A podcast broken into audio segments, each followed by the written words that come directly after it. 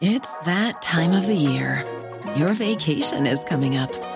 You can already hear the beach waves, feel the warm breeze, relax, and think about work. You really, really want it all to work out while you're away. Monday.com gives you and the team that peace of mind. When all work is on one platform and everyone's in sync, things just flow wherever you are. Tap the banner to go to Monday.com. Ryan Reynolds here from Mint Mobile. With the price of just about everything going up during inflation, we thought we'd bring our prices down. So to help us, we brought in a reverse auctioneer, which is apparently a thing. Mint Mobile unlimited premium wireless. Ready to get 30, 30, bit to get 30, bit to get 20, 20, 20, bit to get 20, 20, bit to get 15, 15, 15, 15 just 15 bucks a month. So, Give it a try at mintmobile.com slash switch. $45 upfront for three months plus taxes and fees. Promo rate for new customers for limited time. Unlimited more than 40 gigabytes per month. Slows. Full terms at mintmobile.com.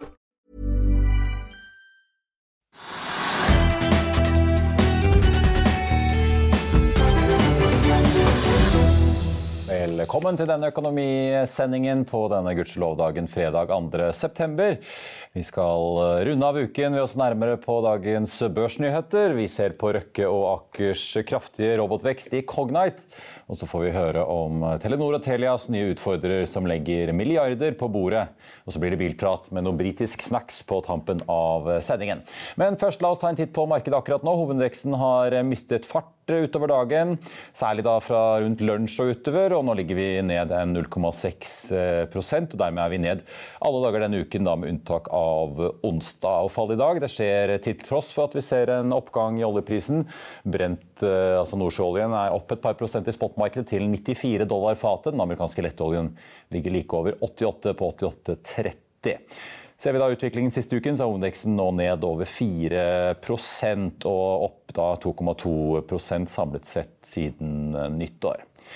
Det er bl.a. store oljeaksjer som Equinor og Vår Energi som bidrar til å trekke børsen ned i dag. Equinor er ned nesten 2 Vår Energi ned 4,1 Et lite unntak er Aker BP, som tikker oppover 0,7% Andre aksjer som bidrar til nedgangen i dag, er bl.a. Sats, PCI Biotech, Idex og Grieg Seafood. I andre enden av spekteret så finner vi Skipsted, Advinta, Aker og Avans Gass, som alle trekker litt oppover, men da ikke nok til å bikke hovedindeksen over i pluss. Rundt oss i Europa så er det stort sett grønt i dag, etter en litt blandet utvikling på Asia tidligere i dag. Wall Street i USA endte jo blandet i går.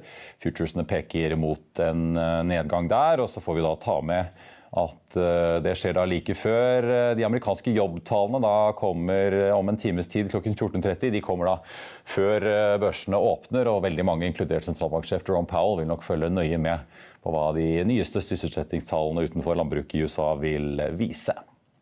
Før vi går videre i sendingen, husk at du også kan se sendingene våre ved å gå inn på fano-tv, og at vi også har andre podkaster enn bare Økonominyhetene, som Morgenkaffen, Gründerpodkasten Veien hit, Ukens vintips, Kunstpraten og bilpodkasten Mil etter mil.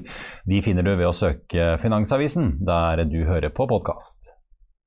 La oss ta noen av de andre nyhetene som har preget dagen i dag. ST Standard, hvor investor Øystein Strais Betalen er største eier, stiger over 5,5 til rundt et par kroner aksjen i dag, med ganske god omsetning. Selskapet varslet torsdag ettermiddag en rettet emisjon på inntil 40 millioner dollar i Dolphin Drilling, og noterer selskapet på Auronex Growth på Oslo Børs. Agelix, denne konkurrenten på plastgjenvinning til Quantafuel, har svingt litt opp og ned i dag, og ligger nå ned en 0,2 Agelix melder at de henter 15 millioner dollar i en rettet emisjon da, til 24 kroner aksjen. Og den aksjen handles nå da, til 23,95, så bare noen øre under emisjonskursen. Det skal utstedes 6,2 millioner aksjer, og selskapet henter dermed da en 150 millioner, basert på valutakursen mot dollar nå. Aksjen var jo over 50 kroner i januar 2021 på toppen og har ligget ja, litt under 30, rundt en 27 kroner aksjen den siste tiden. Selskapet selv skriver at de opprinnelig da ventet å hente 10 millioner dollar, sånn at de da har fått en massiv overtegning, og selskapet skal bruke pengene på Bl.a. på ingeniørarbeid på den tidligere annonserte Amsty-satsingen i USA, der man planlegger byggestart innen en tolv måneders periode. Og I tillegg skal man jobbe mot eh, investeringssanksjonering på et prosjekt i Europa, basert på en intensjonsavtale som er inngått med det selskapet beskriver som et britisk petrokjemisk selskap. og Der regner man med byggestart om halvannet års eh, tid. Langt oppe på taperlisten i dag så finner vi en annen aksje som også faller i vekstkategorien, nemlig Green Minerals, som sent torsdag kveld meldte at de har hentet eh, litt over en million kroner i en emisjonskurs på 10 kroner. Den aksjen er ned nå 12% til 9,98. Ocean Geolup, Geoloop, dette karbonfangstselskapet til Hans Gude Gudesen, eh, som jo har eh, sikret seg Norske Skog som partner og skal hjelpe Norske Skog med avkarbonisering på Skogn, kom med en melding i dag og en oppdatering på prosjektet. De har nå hatt formell overlevering fra leverandør til bruker. Og er det de nå, i det de nå kaller en optimaliserings- og stabiliseringsfase på anlegget. Ifølge Ocean Geoblue så blir det noen justeringer av systemet nå fremover i september måned, men selskapet skriver at de er fornøyd med CO2-fangsten så langt, og at anlegget har vist at man klarer å drive på full effekt da, i flere timer sammenhengende, ifølge da administrerende direktør Oddgeir Lademo. Aksjen har vært ganske flat gjennom dagen da, etter den oppdateringen på fremdriften på Skogn. Det er eh, OPEC-møte til uken, og det preger jo noe av eh, dagens aksjetips, hvor det handler om shipping, Frontline og The Cool Company. Nå kan du tjene store penger på å investere i Jon Fredriksens shippingselskap, skal vi tro SEB-analytiker Fredrik Ness. Det er fredag, og dette er aksjetipset. Fredrik Ness i SEB Bank hever i dag kursmålet på Frontline til 180 kroner, og ser med det 50% oppside i shippingraketten Frontline. Aksjen har skutt opp 90 hittil i år, men Ness mener at det ikke skal stoppe her. Frontline de tjente gode penger i andre kvartal i et brennhett produkttankmarked. Ness han følger nå i fotsporene til analytikerkollegaene Håvard Sjursen Lie i Danske Bank og Pareto-analytiker Eirik Håvaldsen. Lie har kursmål på 160 kroner og Håvaldsen på 154 kroner. Vi holder oss i shipping. Jørgen Lian i DNB Markets han oppjusterer kursmålet på Tor Olav Trøims Cool Company til 140 kroner og gjentar kjøp. Lian han spår at de to skipene som snart blir tilgjengelige, kan kjempe om kontrakter på 1,4 millioner kroner hver dag, og ser et kontantløft på rundt 12 kroner per aksje, sier han, hvis, eh, hvis selskapet oppnår så høye rater som han eh, estimerer. DNB-analytikeren han eh, hever da kursmålet og ser 20% oppside i Trøim-aksjen. Vi skal runde av dekningen vår fra olje- og energimessen ONS i dag, og vi begynner med Norges første gründerenhjørning, Cognite. For etter at tekstselskapet tech-selskapet høsten 2020 eh, sendte den første robothunden kalt Spot ut på prøvetur til Aker BPs Skarvfelt i Norskehavet, så har robotsatsingen nå virkelig tatt av. Nå er robotene mobilisert til oljefelt og industrianlegg i alt fra Mexicogolfen i USA til Saudi-Arabia. Vi tok en prat med en av gründerne bak dette Aker-dominerte selskapet i Stavanger. Bare se her. Stein eh, Danielsen, eh, leder for eh, robotsatsingen i Cognite, av det teknologiselskapet i Aker. Nå står vi her på standen deres. Dere har to av disse robotene gående rundt. Men før vi ser den i aksjon, fortell litt. Disse inspiserer altså olje- og industrianlegg verden over. Hva er det de da gjør? Ja, verden over. Det de gjør, er at de går og ser etter feil, f.eks. De lar også folk komme på anlegget som ikke er på anlegget. F.eks. kan sitte i Polen og være i Saudi-Arabia og se på anlegget gjennom roboten med VR-briller, hvis du vil det. Og så går de også helautomatisk rundt og sjekker ting, f.eks. om det kommer sprekker, eller om det kommer rust, eller om vi ser lekkasjer veldig tidlig. da. Så dette er veldig bra for både miljøet, slippe å reise, og så kost, da, selvfølgelig. De kan eh, ja, måle om det er gass, eller se om eh, ting lekker, eller om en eh, skrue er rusten, eller Ja, og om skruer og bolter er løse. Så vi lager mange forskjellige computer vision-modeller. Og vi leser av alle typer målere. Vi leser av om ventilposisjoner er riktig. Også veldig viktig for å unngå lekkasjer. da. Yes, så vi lærer roboten hvordan han opererer en olje- og gassplattform. Hvor mange av disse her er det som er i aksjon rundt i verden? da? Ja, det er veldig mange nå. Så De er jo solgt 400 av den eh, gule her, og så er det solgt kanskje 150 av den røde. Så, og Vi kjørte 22 prosjekter på roboter og droner i fjor, så det her tar helt av. Skal vi se hvordan den går i trapp? Ja, det kan vi gjøre. Så det, det trenger ikke styre noe som helst. Jeg bare sier at det skal gå opp tilbake på plassen sin. Gjør sånn her.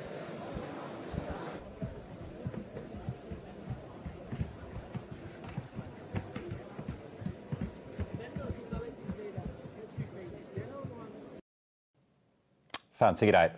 ONS er jo ikke bare en oljemesse, det er jo også andre i energibransjen som eh, tjener godt om dagen og var på plass på messen, nemlig kraftselskapene. På ONS så møtte vi kraftkonsernet Lyse, som har bygget opp eh, bl.a. Altibox, dette fiberselskapet som mange kjenner til, og som kjøpte mobilselskapet Ice og tok da børs til en verdsettelse på, på 5,5 milliarder litt tidligere i år.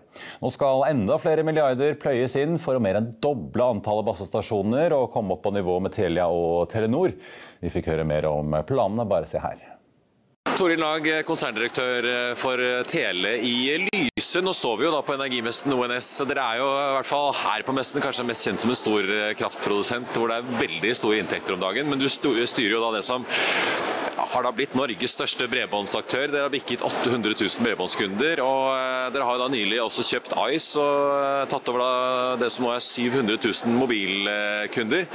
Si litt om hvorfor kjøpte dere egentlig Ice og tok dette steget da fra å sitte med Altibox og fiber til å da bli en slags totalleverandør? Ja, eh, Det skyldes jo at vi har et veldig velutbygd fibernett i hele Norge.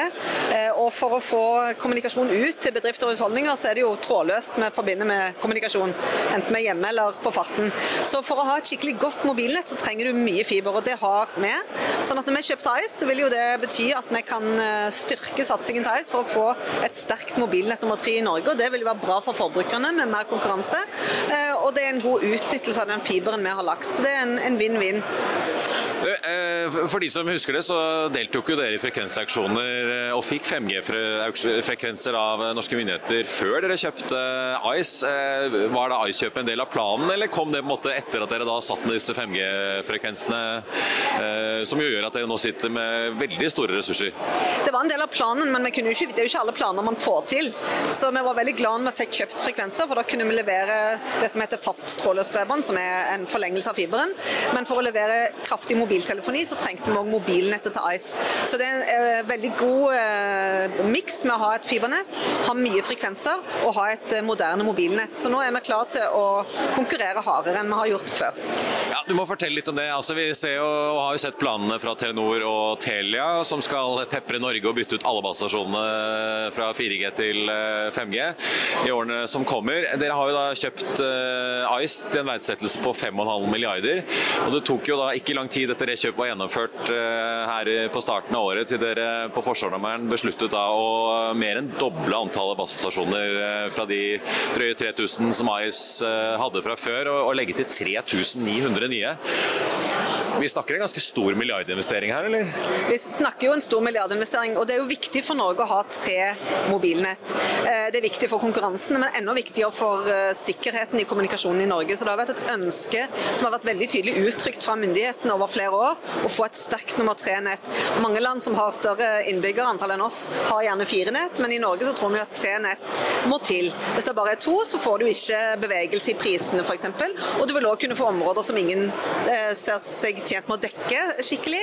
Sånn at Vi ønsker jo å være, vi har bygd fiber i, i hele landet. Altibox-partnerskapet er eh, veldig godt utbygd både i byer og i små grender. Og Vi ønsker å sette opp mobilnett sånn at vi når hele befolkningen. Og så er det sånn at Vi har valgt Nokia som vår leverandør for basestasjonene. De andre har Eriksson, så du vil få ulike leverandører i nettet. Og Vår fiber går òg i andre traseer enn Telenor sin, så du får et mer robust nett for Norge, og så får du et bedre tilbud for innbyggerne.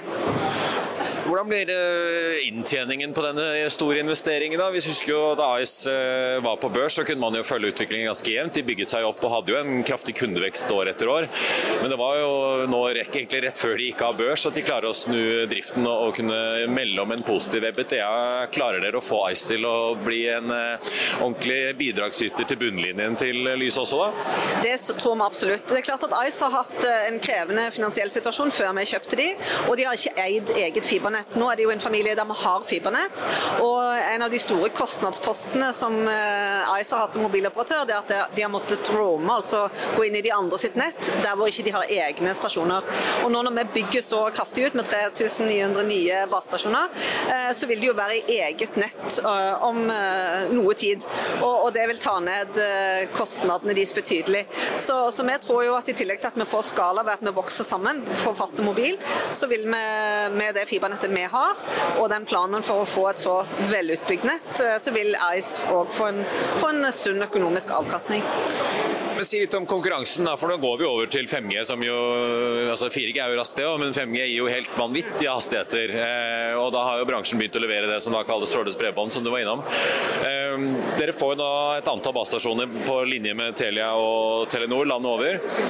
Men dette faste, altså trådløse bredbåndstilbudet, vil det da bli tilbudt over hele landet, sånn at dere vil gå inn og konkurrere med si, enten dere selv eller Telia eller Telenor eller andre aktører der de har et fast bredbåndsnett. Vil dere da banke på døren til folk og si ok, hvis dere er misfornøyd, så kan dere faktisk bestille bredbånd over 5G? Ja, det vil vi helt klart. og Det gjør jo Telia og Telenor i dag i våre områder. Og så tror jeg jo at Hvis du først har en fiber i hus og er fornøyd med leverandøren din, så det er klart at fiber er jo den ultimate leveransen av bredbånd. Du kan få ubegrenset hastighet. Men for veldig mange av våre kunder, når vi ser på bruken, så er det veldig mange som vil ikke merke forskjell hvis de går over det er litt sånn for så vidt tetertanke, eh, til fast trådløst bredbånd. Så jeg tror at konkurransen blir et bikkjeslagsmål, sånn som man er i andre land. Så det er jo en del som har vært bekymra for at det er ikke nok konkurranse i Norge. At den bekymringen deler jeg ikke. Jeg har en rekke bekymringer jeg òg, men den er ikke blant de. Det kommer til å bli mange leverandører til hver kunde. Til slutt så må vi jo snakke litt på, på en måte om det industrielle perspektivet. Du har jo da en stor eh, portefølje hvor du leverer eh, både fast og, og mobilt bredbånd til eh, bedrifter og privatpersoner da landet over etter hvert. Men vi er jo nå på en stor energimesse, og vi vet jo at veldig mange oljeselskaper og fornybarselskaper vil jo også koble opp vindmøller og plattformer og på en måte ta i bruk ganske avanserte datatjenester og analyseverktøy etter hvert. Hva slags potensial ser dere som teleoperatør til å levere mer enn bare selve tilkoblingen i veggen, da, for å si det litt enkelt? Eh, både Altibox AS har jo vært ganske små på bedriftsmarkedet og levert stort sett til småbedrifter.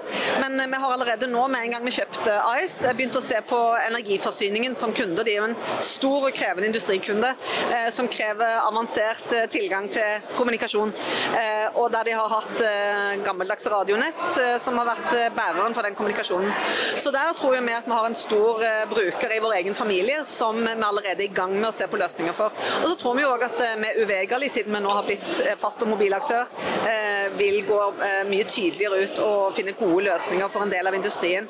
Så som Vi ser jo store synergier, og det er jo en sterk sammenheng mellom at industrien virker og at telenettet virker. Altså Uten strøm virker ikke telenettet, og uten kommunikasjon så virker ikke bedriftene. Så, så for mange mange år siden når vi begynte å bygge fiber, så snakket vi om at, om at det ville være en konvergens, et sammenfall mellom energi og telekommunikasjon. Og nå ser vi at både i bruk og i infrastrukturdrift så er det veldig mange sammenfall. Så der ser vi jo helt klart store muligheter.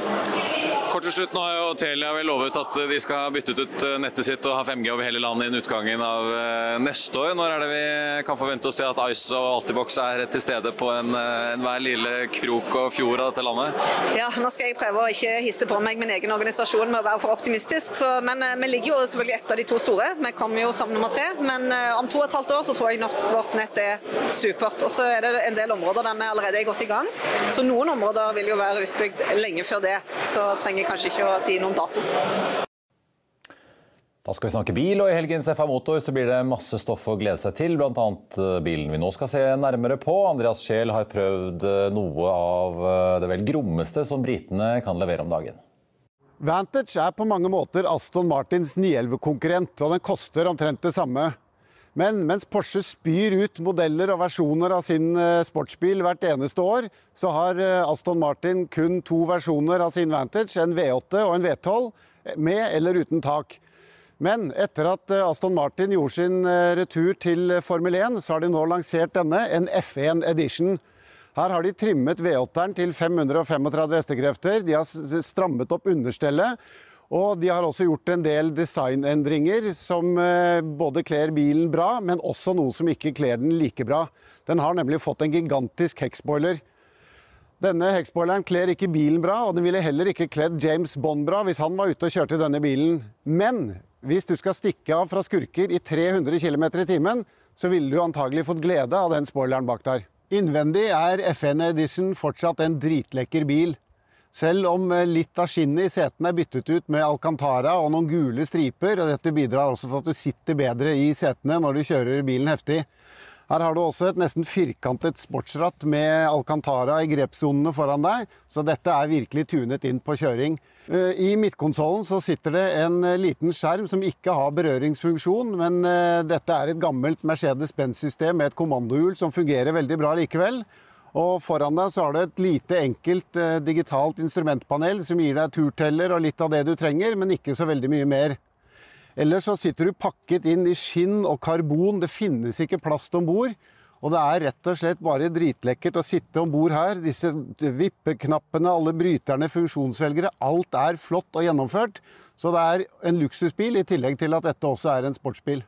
Dette er jo en roadster, så med taket nede så kan du nyte ekstra godt av lys og lyd og Det blåser litt, men eh, du får en helt annen kjøreopplevelse, spesielt når været tillater det. Men det er ikke først og fremst derfor du har en Aston Martin Vantage FN. Det er fordi du skal nyte kjøreegenskapene i denne bilen. Foruten den flotte V8-eren som de har lånt fra AMG, så er understellet tunet, girkassen skjerpet. Og du har også en rekke kjøresystemer som Sport, Sport pluss og Track. Og du kan eh, justere tretrinns CSP-system, så du kan kjøre den bilen her akkurat så tøft og hardt du bare vil.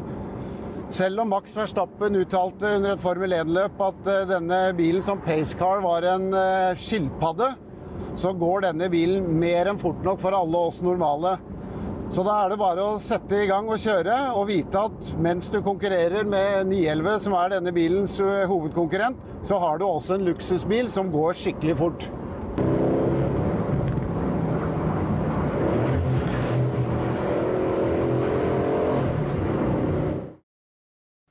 Og da har jeg fått uh, inn kollega Håkon Saube, programleder i Mil etter mil og i FA Motor. Håkon, uh, hvis vi ser på coveret. Skilpadden ja. den virker jo ikke akkurat så treg, denne farkosten fra de britiske øyer? Nei, uh, det er vel en referanse til Formel 1-sjåfør Max Verstappen, som mente at bilen var treg på bane da han skulle kjøre sin Formel 1-bil. Ja. Det er jo noen heftige bremseklosser her, så det tyder jo på at eh, det er designet både for å akselerere og deakselerere. si. Mm. Ja. Du, eh, la oss gå over til en annen bil fra kontinentet som eh, vel stiller eh, omtrent i samme kategori. Porsche 911. Nå må jeg ta hele navnet riktig her. GT3 RS. Mm. Ja, eh, kan vel hende noen sier at den stiller i en eh, liten klasse over til og med. Ja. Eh, startpris 3,3 eh, millioner, men når du har lagt på masse snadder som veltebur i karbon og mye annet, så begynner det å nærme seg 4 millioner. da. Jeg ser på bildet her en eh, voldsom spoiler bak på denne farkosten, så du ser jo at dette ikke er en Turbo eller Carrera 4S eller noe sånt. Ja, det er jo En av de tingene som er litt kult med bilen, er jo at spoileren bak vingen er jo nå høyere enn taket. Det er første gang på en 911. En annen artig detalj er at Eh, bagasjerommet, som jo er foran på alle 911 det er jo de aller fleste vant med, ja. der er det nå en stor radiator. og Grunnen til det er at da kan de ha sånne aktive aerodynamiske elementer under, slik at uh, downforce på den bilen er helt ekstremt, og det ser man jo egentlig. Ja, Det ser ut som en, et, i hvert fall muligheten for et voldsomt marktrykk i høy hastighet. Mm. Ja. Eh, hvordan er dette her på vanlig vei, da? Jeg tror det funker. Jeg har ikke kjørt den nye. Vi skal eh, faktisk ut og teste den eh, i eh, England, på Silverstone. Ja. Om ikke så altfor lenge. Den forrige var helt nydelig. Det er jo klart det er en ekstrem bil. Bur, stoler som liksom Brannslukkingsapparat ja, ja, ja. Sånn, ja. Så eh, brukbar, ja. Men det, nå er det blitt, virkelig blitt en banebil. En av nyhetene er at de har fire knapper, så du kan justere eh, bl.a. differensialen med knapper på rattet. Uh, demperne. Du kan eh, justere rebound. Du kan justere ting som Det, altså det, det, faktisk, det ligner jo litt på en, eh, på en Formel 1-bil, om at du kan gjøre ganske mye fra rattet. Ja. Fancy greier. Uh, ellers, uh, påhengsmotor med V12 og elektrisk seilbåt med nesten 20 mil. Det er bra variasjon i uh, magasinet i helgen. Ja, vi må jo ha litt Ramla stolen min der ned. Så jeg må bare, ja, ja. Vi må jo ha litt båtstoff. Ja. dette med påhengsmotorer er jo litt gøy. Ja. I, USA er jo påhengsmotor det virkelig store. Og skal man ha nok krefter, så må man ha noe som svinger litt. Kan jo hende at etter at man har kommet på land, at det er litt viktig å kunne fortelle at det faktisk er en 7,6 liters V12 12 påhengsmotor med 600 hestekrefter. Så hvis du ganger med fire, da, eller fem Som så, du jo ofte kan ha i Florida på litt store båter. Gjerne. Ja. er jo det perfekt. Ja. Takk skal du ha, Håkon. Riktig god helg. Og så er det altså FA-motor å finne i enten avisstanden eller på dør, dørstokken heter det vel, i morgen. Og så skal vi prøve å få fikset denne Lahlum-stolen. Eh, På tappen av sendingen må vi ta en titt på markedet. Jeg tenkte vi bare skulle vise en eh, litt sånn utvikling her på Kongsberg Automotive. Den aksjen har hentet seg Bra inn så langt i dag. Den er nå opp en 0,9% etter meldingen om at de nå slår sammen da eh, Fluid Transfer og kaplingsvirksomheten sin. Og døper dette om til Flow Control. Det er jo da et ledd i det større omstillingsprogrammet som eh, selskapet har eh, annonsert da på kapitalmarkedsdagen i 2021. Han som skal lede dette, her er David Redfern. Han kommer jo da fra jobben som leder i dette Fluid Transfer. og Han blir da Uh, nei, Han skal ikke lede denne enheten, han kommer fra Fluid Transfer og skal bli da ny salgsdirektør for en ny felles salgsorganisasjon i Kongsberg Automotive. Og dette annonserte de da også på kapitalmarkedsdagen sin i, uh, tilbake da, i desember i uh, fjor. Ellers på Oslo Børs så er hovedveksten nå ned en halv prosent. Dermed har vi mistet enda litt mer fart utover ettermiddagen. Vi venter jo da på arbeidsmarkedstallene for august måned fra USA, som utvilsomt vil sette tonen for markedet der. Når Wall Street åpner om ikke altfor lenge på listen over de mest omsatte aksjene nå, så er Equinor ned 2,2% mest omsatt. Deretter har vi Agelix, som jo hentet 150 mill. Omsetningen på aksjen er nå oppe i 170 og dermed er den med nest mest omsatt så langt. Men den aksjen ligger fortsatt i null på 24 blank, og det er også da emisjonskursen til selskapet. Deretter følger Vår Energi etter med en nedgang på 3,7 Aker BP har i motsetning til Equinor og Energi en oppgang og vist til på nesten 1% med en oljepris som er opp nesten 2 til 93 dollar og 80 cent. Og etter jobbmarkedstallene i dag, så er jo da det neste store selvfølgelig da OPEC-møtet til uken. Ellers så tar vi med Green Minerals, også kjørt en liten emisjon. Den aksjen er fortsatt ned da nesten 12% til 9,98, da med en emisjonskurs på 10 kroner. Så får vi jo bare ta med på tampen at det er ventet at det ble skapt 298 000 nye jobber i USA da i august måned. TNB Markets viser til dette, men påpeker at de selv venter en 350 000 nye jobber. Uansett så er det altså da 300 000-merket som må være det alle følger med på.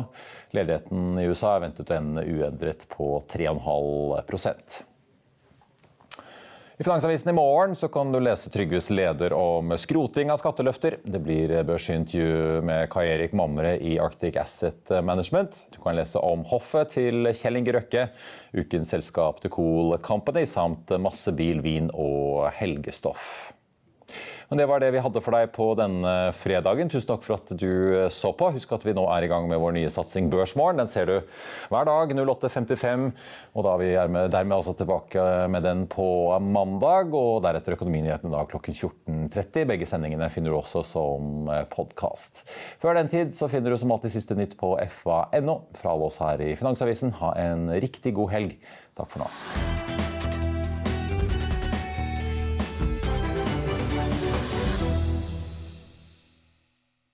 Økonominyhetene er en podkast fra Finansavisen. Programledere er Marius Lorentzen, Stein Ove Haugen og Benedikte Storm Bamvik. Produsenter er Lars Brenden Skram og Bashar Johar.